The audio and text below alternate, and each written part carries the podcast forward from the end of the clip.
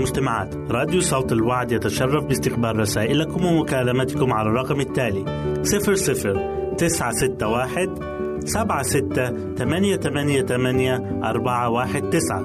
نشكركم ونتمنى التواصل معكم. والسلام علينا وعليكم.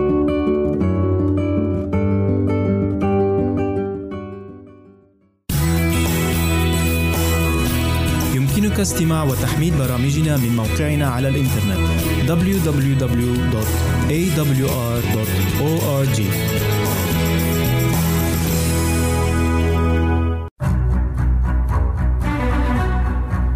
أعزائي المستمعين والمستمعات تتشرف راديو صوت الوعد باستقبال أي مقترحات أو استفسارات عبر البريد الإلكتروني التالي راديو تي في مرة أخرى بالحروف المتقطعة R A D I O at A L شرطة W A A D نقطة تي في والسلام علينا وعليكم.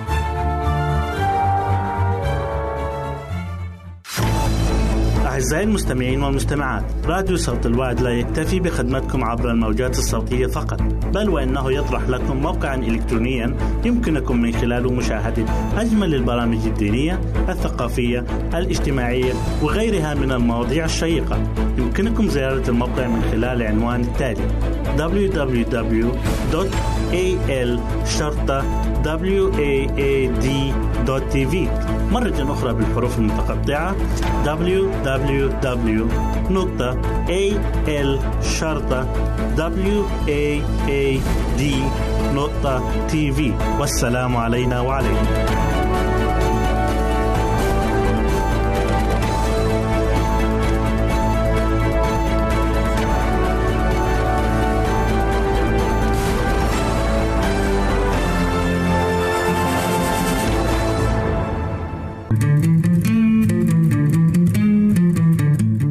تستمعون إلى إذاعة صوت الوعي.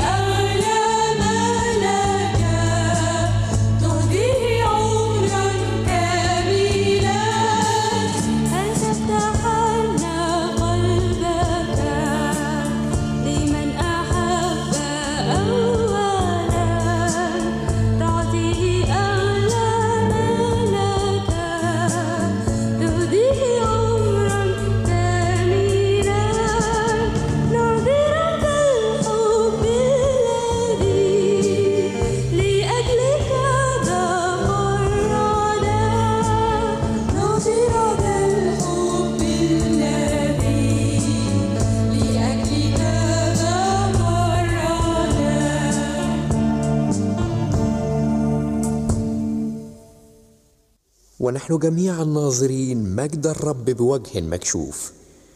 دعني أضع كلمات بولس في صورة أخرى فأقول إننا جميعا إذ نرفع البرقع من على وجوهنا تصبح حياتنا كمرآة تستقبل وتعكس مجد الله. وهذا يغيرنا إلى صورته عينها من مجد إلى مجد بتأثير الروح القدس فينا. ناظرين مجد الرب. نعم لقد رأيناه لكن البعض لا يراه لأن وجوههم مغطاة. لقد كان موسى يرفع البرقع من على وجهه عندما يلتقي بالرب ترى ما هو البرقع الذي يمنع تمتعك بمجد الرب؟ هل هو برقع التكبر والتجبر أو الاستهتار والتحرر؟ هل لأخيك عليك شيء أم أنك لم ترد المسلوب؟ إن بعض المؤمنين كالنعامة يضع رأسه في رمال الخطية ويظن أن الرب لا يراه لأن برقع الشر قد أعمى عيناه. أيها المؤمن ارفع البرقع في حضرة الرب. اكشف له قلبك. انزع خطيتك لترى مجد الرب مجدا كما لوحيد من الآب مملوءا نعمة وحقا. أعزائي المستمعين والمستمعات راديو صوت الوعد يتشرف باستقبال رسائلكم ومكالمتكم على الرقم التالي 00 961 سبعة ستة ثمانية ثمانية ثمانية أربعة واحد تسعة. نشكركم ونتمنى التواصل معكم. والسلام علينا وعليكم.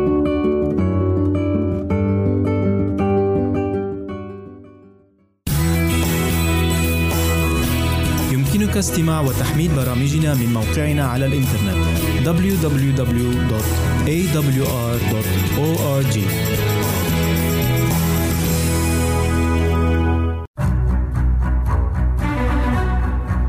أعزائي المستمعين والمستمعات تتشرف راديو صوت الوعد باستقبال أي مقترحات أو استفسارات عبر البريد الإلكتروني التالي راديو في مرة أخرى بالحروف المتقطعة R A D I O at A L شرطة W A A D نقطة تي في والسلام علينا وعليكم. أهلا وسهلا بكم أعزائي المستمعين في كل مكان. يسعدني أن أقدم لكم برنامج أطفالنا زينة حياتنا. وحلقة اليوم هنتكلم فيها عن بعض المشكلات في تربية الأطفال. اللي عايزين نأكد عليه قبل ما نتكلم عن تربية الأطفال وبعض المشكلات اللي بتواجه الآباء والأمهات على كل أب وكل أم إنهم يقروا اللي بيتكتب عن الأطفال وعن طبيعة التعامل معاهم وعن طريقة تفكيرهم لأن القراية هتديهم مفتاح عن شخصية الطفل وإزاي يتعاملوا معاه بطريقة مناسبة. كمان لما نسأل ناس مثقفين وعندهم خبرة ومتعلمين يعني مثلا من أطباء أو من متخصصين نفسيين أو تربويين أو معلمين لأن دول بيكون عندهم فترة طويلة جدا قضوها مع الأطفال وإزاي يعرفوا يتعاملوا معاهم. أول حاجة نتكلم عنها تأديب الطفل. من أكتر المعضلات أو المشاكل اللي بتواجه الآباء والأمهات هي طرق تأديب الطفل أو تقويم أفعاله وسلوكه. أو بمعنى تاني بنقول عليه الثواب والعقاب. ساعات كتير بيتبع الآباء والأمهات مع أولادهم أسلوب القوة في كل كبيرة وصغيرة. يعني مثلا مرة يهددوا الطفل ومرة يوعدوه بمكافأة ومرة تانية ممكن يقوموا بضربه. وأوقات كتيرة بنلاقي إن الأب والأم في أغلب الأحيان بيستخدموا أسلوب القوة مع الطفل أو إنهم يخوفوه. وبيظنوا إن هي دي الطريقة السليمة في تربية الطفل إن الطفل هيسمع كلامهم وهينفذ أوامرهم. لكن عايزة أقول لهم النهاردة إن الأسلوب ده مش هو الأسلوب السليم في التربية. بالعكس ده ممكن يترك آثار نفسية سيئة جدا عند الطفل. كمان الأب والأم اللي بيستخدموا أسلوب التهديد والقوة مع الطفل ما عندهمش ما يكفي من ضمان إن الطفل هيكون ملتزم في غيابهم. ممكن يكون الطفل بيسمع كلامهم في وجودهم عشان خايف منهم. لكن بمجرد ما يكون الأب والأم مش موجودين الطفل هيعمل ما يحلو لي نيجي نتكلم عن حاجة تانية وهي أسلوب المكافأة والتشجيع. وده أسلوب بيستخدموه الكبار عشان يكسبوا الأطفال أو يحاولوا يضغطوا عليهم عشان يستجيبوا لأوامرهم. والأطفال بتسمع رغبة في الحصول على الهدايا أو الحلوى. الأسلوب ده حتى إذا كان ليه مزايا لكن ما بيخلوش من الضرر على مستقبل الطفل. لأنه بيعود الطفل إنه يمتثل للأوامر مش عشان الأوامر ديت المفروض يطيعها أو دي قوانين المفروض يحترمها وينفذها أو المفروض إنه يطيع أبوه وأمه لأنهم ليهم فضل عليه. لكن في الحالة دي الطفل بيطيع لأنه هيحصل على نفع مادي أو حاجة عينية هياخدها. فالأسلوب ده حتى وإن كان مهم في بعض الأحيان إننا نستعمله لكن ما ينفعش نعتمد عليه طول الوقت في تربية الطفل. لأنه ممكن يجلب متاعب للطفل ولأهله في أمور كتيرة جدا. في أساليب كتيرة جدا بيستخدمها الأب والأم في التربية. لكن بيبقى السؤال إيه هو أفضل أسلوب الأب والأم يقدروا يتبعوه في تربية الطفل وتقويم سلوكه؟ الحقيقة إننا ما نقدرش نعتمد على أسلوب واحد ونقول هو ده الأسلوب الأمثل اللي نقدر نتبعه أو نعتمد عليه في كل الحالات. لأن لكل مرحلة في حياة الطفل ليها خصائصها وسماتها. وعشان نقدر نقوم سلوك الطفل ونربيه بطريقة كويسة لازما يكون عندنا فكرة عامة عن المرحلة اللي بيمر بيها الطفل وإيه متطلباتها ونختار الأسلوب الأمثل في التعامل معاه. ومع كل ده لازم نأكد على حاجة مهمة جدا وهو إننا لما نتعامل مع الطفل لو عمل أي شيء غلط لازم نفهم الطفل إيه النتائج المترتبة على العمل اللي هو عمله ده. يعني مثلا لو حبينا إننا نعاقب الطفل لازم نفهمه ونوضح له إحنا ليه بنعاقبه أو إحنا ليه بنعامله بالطريقة دي. ممكن يكون الطفل مثلا عمل تصرف سبب ليه ضرر أو سبب ضرر لغيره. لازم نعلم الطفل إنه يكون مؤدب ومهذب وعنده أخلاق. نعلمه إزاي يتحكم في نفسه وفي انفعالاته. في الحالة دي هيقدر الطفل يتغلب على كل أفعاله السيئة وهيحاول يغير منها لأن الطفل بيفهم كل حاجة. ما نفتكرش إحنا ككبار إن الطفل مش بيفهم بالعكس الطفل بيفهم لكن بس بيكون محتاج مننا شوية صبر وتأني. طبعا مع ملاحظة إن الطفل في السنوات الأولى من عمره بتكون سلوكياته متمركزة كلها حوالين نفسه بيكون عايز كل حاجة لنفسه. عايز يملك كل شيء. عشان كده في المرحلة دي بيكون محتاج مننا صبر شوية وإننا نعلمه إزاي يحترم الآخرين وإزاي يقدر يتعايش معاهم. نعلمه بعض الضوابط المعينة اللي بيكون محتاجها في السن ده.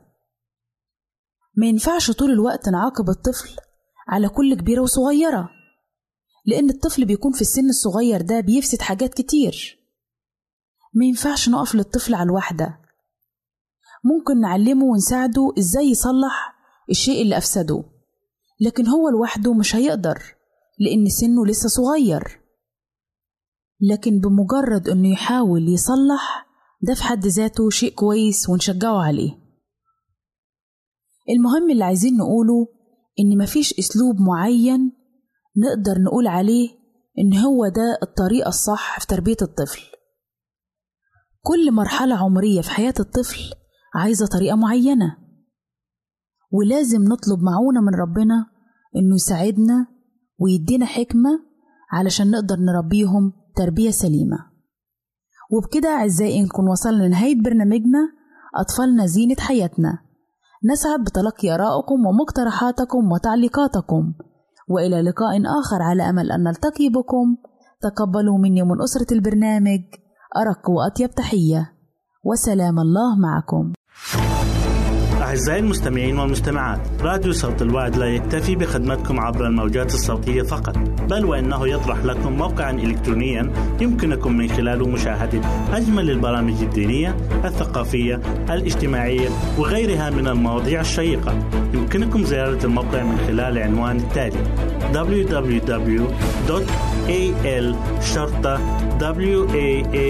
www.al-waad.tv مرة أخرى بالحروف المتقطعة www.al-waad.tv والسلام علينا وعليكم.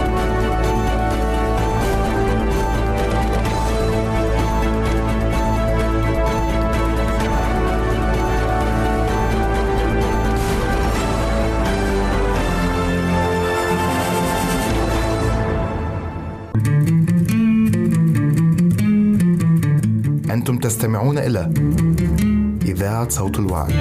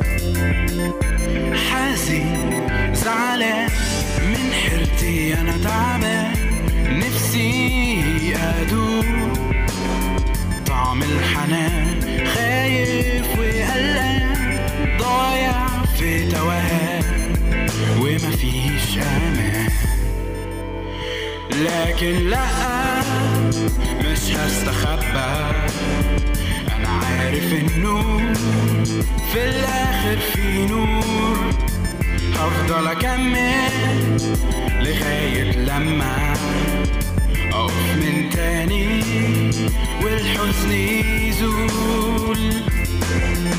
موجوع مكسور لكني مغرور نفسي أدوق. طعم السرور غرقان وبدور في غلبي مقصور جوايا سوق لكن لا مش هستخبى؟ أنا عارف إنه في الآخر نور هفضل أكمل لغاية لما أقف من تاني والحزن يزول.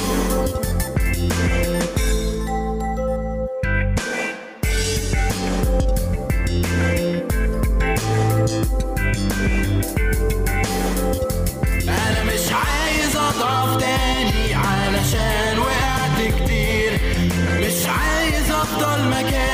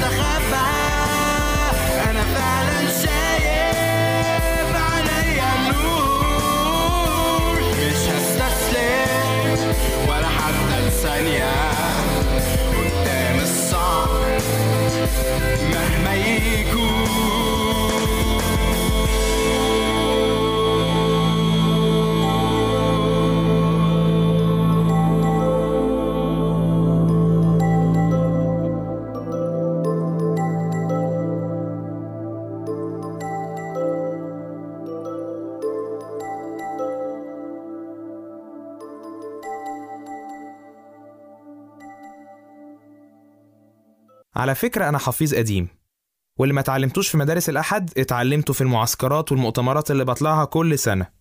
في كلام كتير وفي كلام كبير أنا حافظه. هتسألني تقول لي عايشه؟ هو بيتعاش آه، عيش لربنا. كلمة ياما بسمعها في الكنيسة. اتخنقت. ربنا يكون ملك على حياتك وهي مالها حياتي. ربنا موجود. أنا كمان موجود. إيه المشكلة؟ أنا كويس مش وحش. بحب الدنيا ومليش في الكآبة. روش بس مش قليل الأدب. عايش في المعقول. إيه المطلوب؟ كله كويس. مبسوط؟ مش متضايق. مرتاح. يعني مش تعبان. بس بيني وبينك بسمع مرات جوايا صوت بيقول لي في ضيف عايز يبقى صاحب البيت وعايز لما يجي البيت ده ينوره بس أنا أديه الفرصة. بتجاهل صوته جوايا لكن اللي حاصل انه صوته جوايا مش ساكت مهما حاولت اسد وداني. أنا عايز أفتح وداني وأسمع وأفتح قلبي للضيف عشان يجي ويبقى صاحب البيت.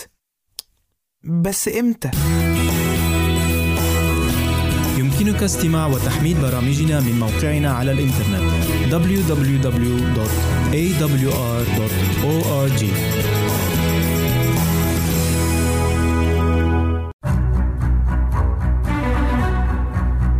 أعزائي المستمعين والمستمعات تتشرف راديو صوت الوعد باستقبال أي مقترحات أو استفسارات عبر البريد الإلكتروني التالي راديو TV. مرة أخرى بالحروف المتقطعة R A D I O A L شرطة W A A D نقطة TV والسلام علينا وعليكم.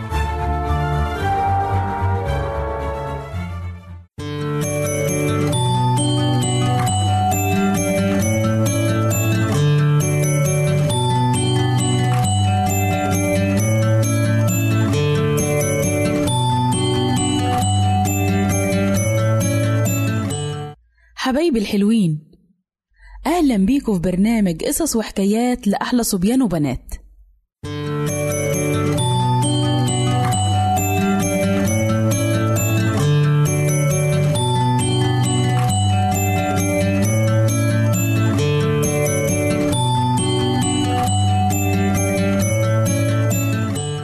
قصتنا النهاردة من الكتاب المقدس وبتحكي عن شخص اسمه نوح. الشخص ده كان دايما بيقول هقول للغلط لأ.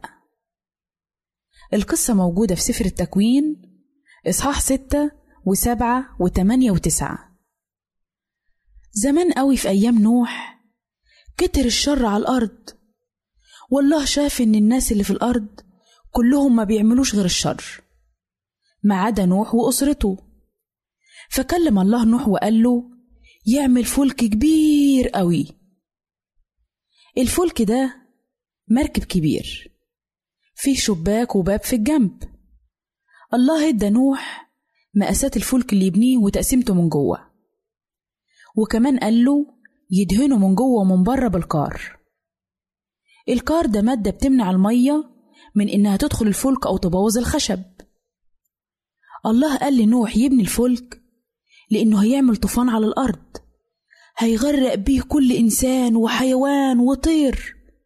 ما عدا نوح ومراته وولاده وزوجات ولاده. وطلب منه إن ياخد معاه اتنين من كل نوع من أنواع الحيوانات يعني ذكر وأنثى. أما بعض الحيوانات والطيور اللي هي نقدر نذبحها وناكلها فطلب منه إن ياخد من كل نوع سبع ذكور وسبع إناث. الطوفان ده مطر جامد قوي. استمر لمدة أربعين يوم وأربعين ليلة. يعني غرق الأرض كلها. مش بس بلد أو مدينة لأ ده غرق الكرة الأرضية كلها. بعد ما نوح كمل الفلك الله قال له يدخل هو ومراته وولاده وزوجاتهم وكمان الحيوانات والطيور بكل أنواعها وكمان الأكل اللي يكفيهم هم وكل الحيوانات والطيور. وبعد كل دول ما دخلوا الله قفل عليهم الفلك. وبدأ الطوفان وكترت المية جدا ورفعت الفلك من على الأرض. وفضلت المية تزيد وتزيد وتزيد لغاية ما غطت كل الجبال العالية. ومات كل حاجة على الأرض. وفضل بس نوح واللي معاه في الفلك. بعد ما كل المخلوقات اللي في الأرض ماتت الله وقف المطر. وبعد 150 يوم المية بدأت تنقص. وبعد كده استقر الفلك اللي كان فيه نوح على جبال اسمها جبال أرارات. وبعد أربعين يوم تاني فتح نوح شباك الفلك وطير غراب. لكن الغراب طار وهو متردد. وبعد كده طلع حمامة. لكن الحمامة رجعت لأنها ما لقتش حتة تقف عليها. أصل المية كانت كتيرة جدا ومغرقة كل حاجة. فمد نوح إيده مرة تانية ودخلها الفلك.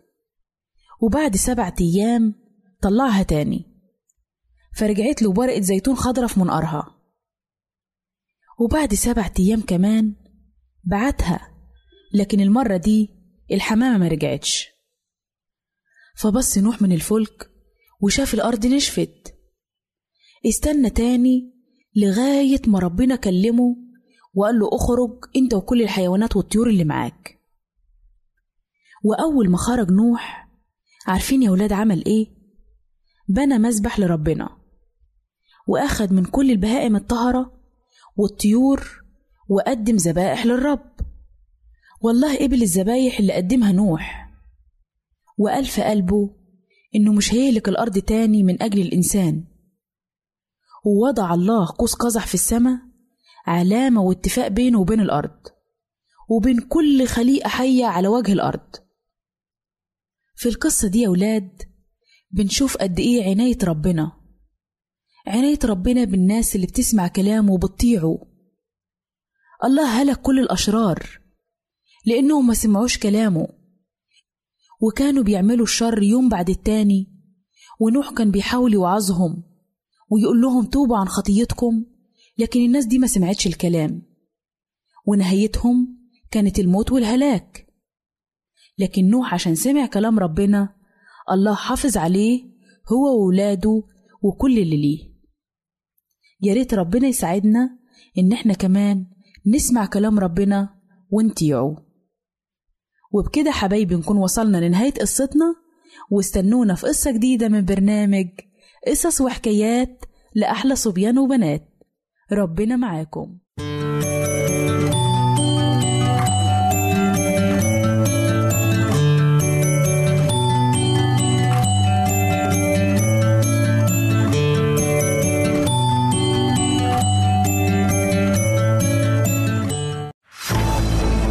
أعزائي المستمعين والمستمعات. راديو صوت الوعد لا يكتفي بخدمتكم عبر الموجات الصوتية فقط بل وإنه يطرح لكم موقعا إلكترونيا يمكنكم من خلاله مشاهدة أجمل البرامج الدينية الثقافية الاجتماعية وغيرها من المواضيع الشيقة. يمكنكم زيارة الموقع من خلال العنوان التالي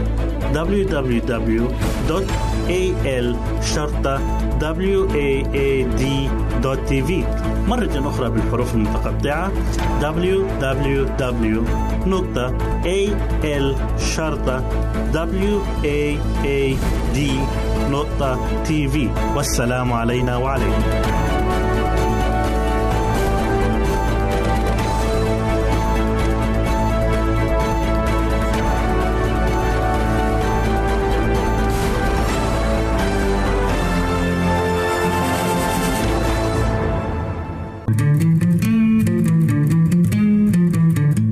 أنتم تستمعون إلى إذاعة صوت الوعد.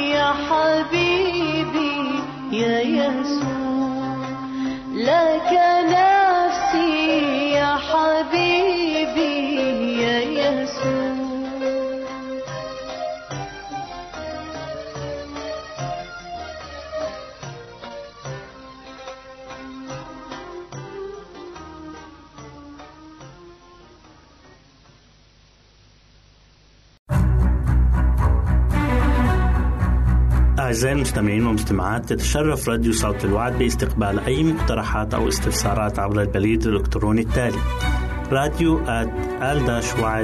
TV مرة أخرى بالحروف المتقطعة R A D I O A L شرطة W A A D نقطة TV والسلام علينا وعليكم.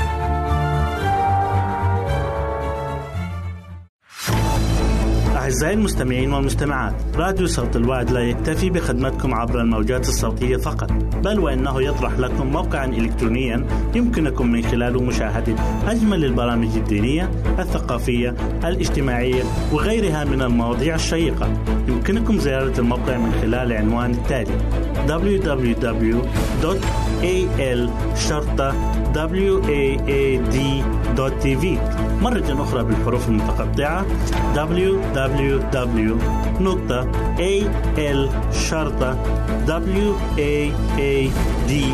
نقطة والسلام علينا وعليكم.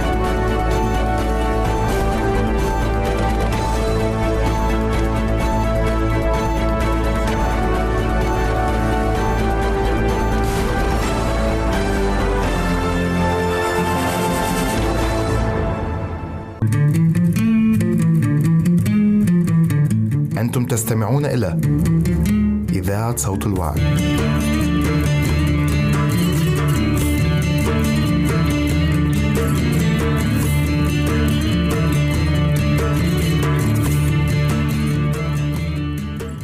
نرحب بكم مرة أخرى مستمعينا الكرام إلى هذه الحلقة من برنامج بيتي جنتي وهي اليوم بعنوان قدموا التحية لأجدادكم إن رعاية الأحفاد الصغار ليست من مسؤولية الأجداد ولكنهم في كثير من الأحيان يعتنون ويرعون أحفادهم بكل صبر وطول أنات وأعتقد أن هؤلاء الأجداد يحتاجون إلى تحية عرفان وجميل منا. تصعب الظروف أحيانا على الوالدين أمر العناية بأطفالهم وتلبية كافة احتياجاتهم. ففي مثل هذه الأوقات تكون مساعدة الأجداد لها قيمتها الكبيرة في نظر الوالدين. وتشارك معنا اليوم الدكتورة منى قصة عن أحد أولئك الأجداد. كان للسيدة سوزان وزوجها أربعة أطفال صغار وفي الوقت ذاته كانت ابنتهما الكبرى تدرس طب الأسنان بعد أن أنهت تدريبها في التمريض. فكيف استطاعت هذه العائلة الاطلاع بكل هذه المسؤوليات؟ السر يكمن في والدة سوزان التي كانت تسكن على مقربة منهم وأبدت الرغبة في المساعدة كلما تطلب الأمر ذلك. لم تنسى سوزان ما فعلته والدتها من أجلها وقد نظرت بينها وبين نفسها أن تفعل هي الشيء ذاته من أجل أولادها متى كانت لهم عائلاتهم الخاصة. بعد ذلك بسنوات كانت ابنتها سعاد وزوجها يدرسان الطب عندما حدث ما لم يكن في الحسبان. فرغم كل ما أبدياه من حرص حملت الزوجة ووضعت ابنها الثاني ولم يكن ابنها الأول قد تجاوز السنة إلا قليلا. وهكذا أصبحت الأمور صعبة جدا على سعاد التي كان عليها العناية بطفلين رضيعين إلى جانب الاهتمام بدروسها فقالت سعاد في يأس واستسلام يبدو أن علي الآن التخلي عن دراسة الطب فأنا لا أريد من شخص آخر أن يربي لي ولدي وهنا قطعتها أمها سوزان بالقول هل أنت واثقة من رغبتك في التخلي عن الطب؟ قالت سعاد ليس لي خيار في الأمر يا أمي وماذا أستطيع أن أفعل غير ذلك؟ قالت سوزان الأم وماذا لو اهتممت أنا بالطفلين؟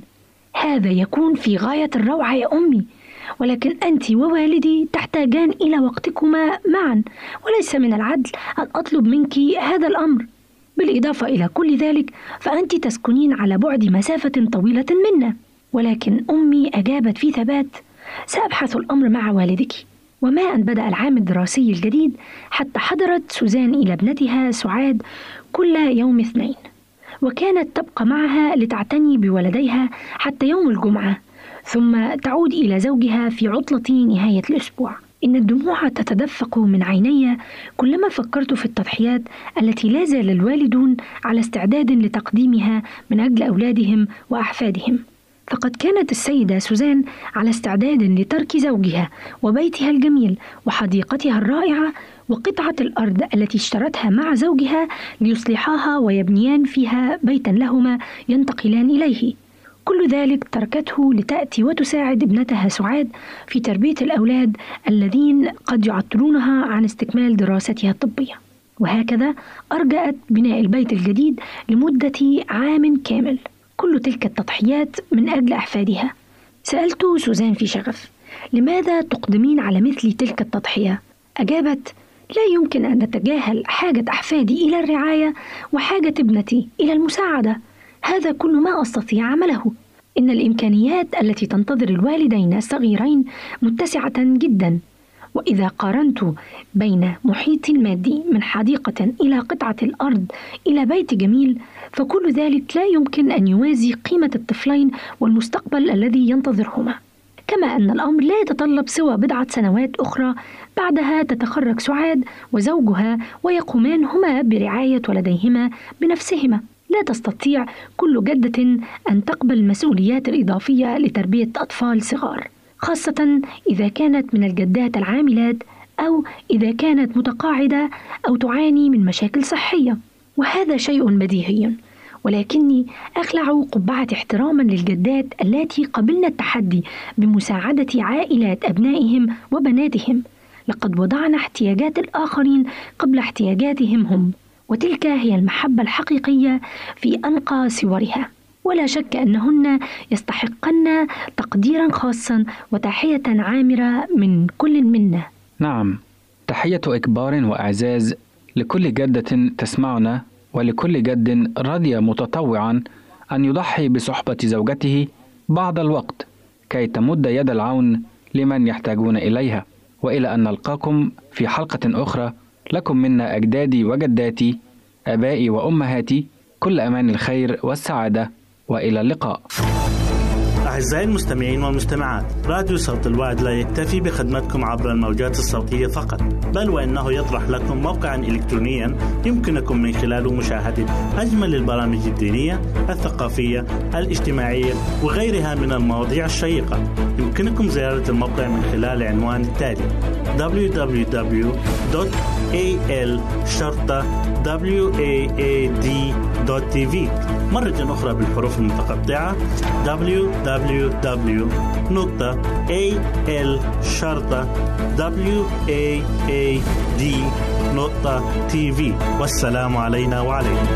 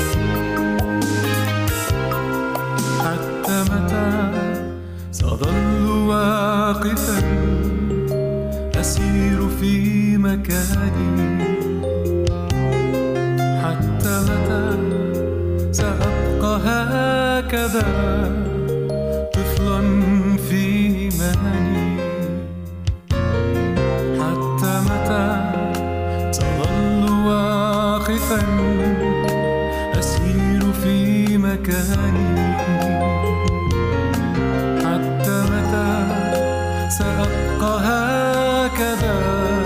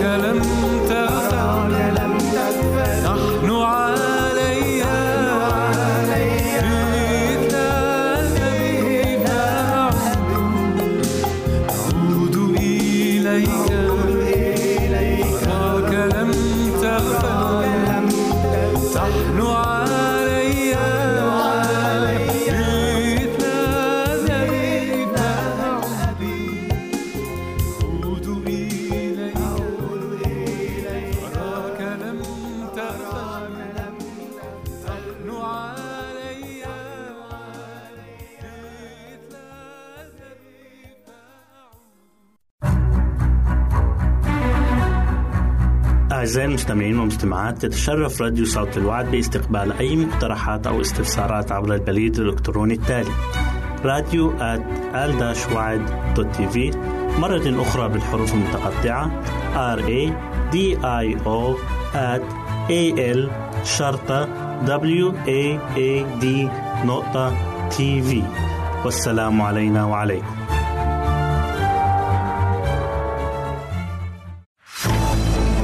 أعزائي المستمعين والمستمعات راديو صوت الوعد لا يكتفي بخدمتكم عبر الموجات الصوتية فقط بل وإنه يطرح لكم موقعا إلكترونيا يمكنكم من خلاله مشاهدة أجمل البرامج الدينية الثقافية الاجتماعية وغيرها من المواضيع الشيقة.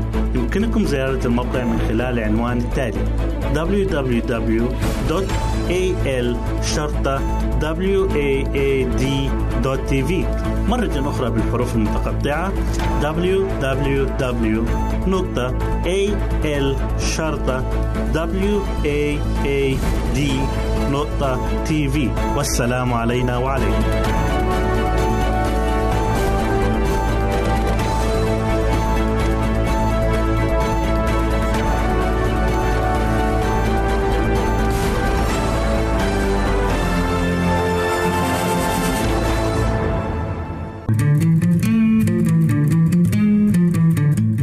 تستمعون إلى إذاعة صوت الوعد.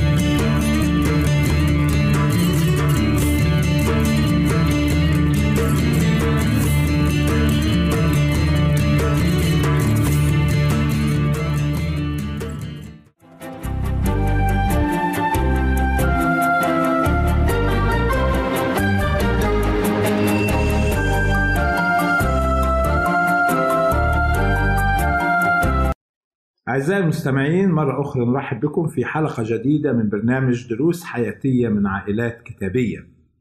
تكلمنا سابقا كيف أن وعد الله لأبوينا الأولين بمجيء المخلص، وقد ظنت حواء بأن الابن الأول هو المخلص الذي وعدهم به الرب. ولكن نعرف أن السيد المسيح جاء إلى عالمنا بعد ذلك بآلاف السنين. وتمم خطة الفداء على عود الصليب ومات وقام وصعد إلى السماء. فما هو الشيء الذي يدفعنا الآن إلى السلام والفرح في بيوتنا وعائلاتنا خاصة في أيامنا هذه التي ازداد فيها الشر والخطية بصورة لم يسبق لها مثيل. كما عرفنا أن السيد المسيح له المجد جاء إلى عالمنا وتمم خطة الفداء بموته على عود الصليب.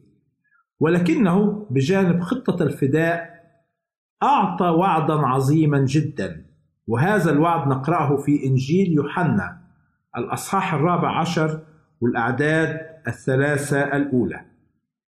يقول الكتاب المقدس لا تضطرب قلوبكم أنتم تؤمنون بالله فآمنوا بي في بيت أبي منازل كثيرة وإلا فإني كنت قد قلت لكم أنا أمضي لأعد لكم مكانا.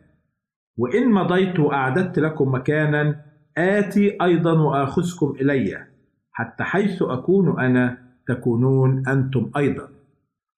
هذا الوعد بأن الرب يسوع سيأتي ثانية للخلاص للذين ينتظرونه. وهذا الوعد الصادق هو الذي يجعل بيوتنا وعائلاتنا تعيش في سعادة وسلام. فحياة الرجاء بمجيء المخلص الذي سيأتي ليأخذ خاصته من هذا العالم المليء بالخطية. سيأتي ليقضي على الخطيئة ونتائجها. كل هذا يمنحنا الصبر والتحمل يمنحنا الأمل ويمنحنا السلام والفرح. فحياة الرجاء والاستعداد لمجيء الفادي والمخلص هي اليوم أساس الفرح والسلام في كل بيت وعائلة. فكما عاش آدم وامراته حياة الرجاء بمجيء المخلص والفادي يجب علينا الآن كأفراد وأسر وعائلات أن نحيا حياة الرجاء بمجيء المخلص ثانية الذي قدم لنا وعدا عظيما بما ستكون عليه الحياة الأبدية. وصف الكتاب المقدس كيف ستكون الحياة الأبدية. في سفر الرؤيا أصحاح 21 وعدد أربعة وخمسة. تقول كلمة الرب وسيمسح الله كل دمعة من عيونهم والموت لا يكون فيما بعد ولا يكون حزن ولا صراخ ولا وجع فيما بعد لأن الأمور الأولى قد مضت.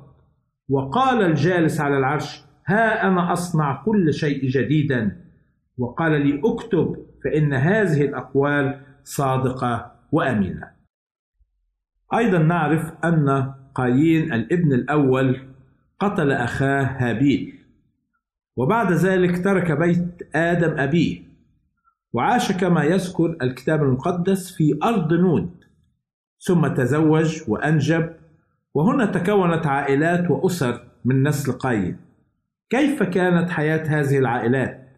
هل كانت تتمتع بالسعادة والسلام؟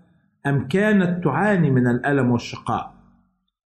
في الحقيقة نجد أن الكتاب المقدس يوضح كيف كانت حياة عائلة قايين وبالتالي العائلات التي تكونت بعد ذلك من نسله فعندما قتل قايين أخاه هابيل يوضح الكتاب المقدس لماذا قتله فنقرأ في رسالة يوحنا الأولى الأصحاح الثالث والعدد الثاني عشر يقول الكتاب المقدس ليس كما كان قايين من الشرير وذبح أخاه.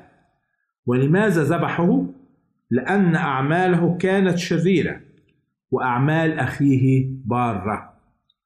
هنا يوضح الرسول يوحنا السبب الحقيقي الذي دفع قايين لقتل أخاه هابيل. كانت أعمال هابيل بارة وقايين كانت أعماله شريرة. لذلك عندما قتل قايين صدر عليه الحكم الإلهي. في تكوين الأصحاح الرابع والعدد الحادي عشر فالآن ملعون أنت من الأرض التي فتحت فاها لتقبل دم أخيك من يدك.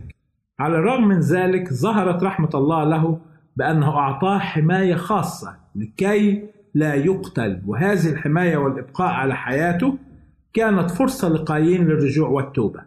ولكنه كما ذكرت لنا أنه ترك بيت أبيه وسكن في أرض نود ومعنى الاسم نود تائه أو منفي. ترك الوعد الذي قدمه الله لآدم ونسله بالنصر على الشيطان ترك الرجاء بالعودة إلى الحياة الأبدية وركز كل اهتمامه واتكاله على عمله حيث كان عاملا في الأرض. ركز اهتمامه على النجاح المادي والعالمي حيث يذكر الكتاب أنه بنى مدينة ودعاها باسم ابنه البكر لم يعلم قايين أولاده طريق الرب. لذلك استمر الشر والعصيان في كل العائلات والأسر التي تكونت من نسله بعد ذلك. من المؤكد أن عائلات وبيوت كهذه لا يمكن أن تتمتع بالسلام والسعادة لأن السلام والسعادة مصدرهما الله.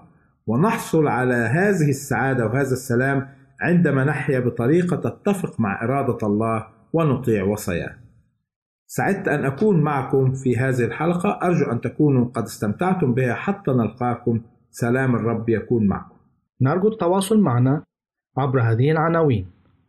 للتشات www.al-waad.tv وللرسائل radio at al-waad.tv والاتصال عبر الواتساب 961 76 888 419 961 76 888 419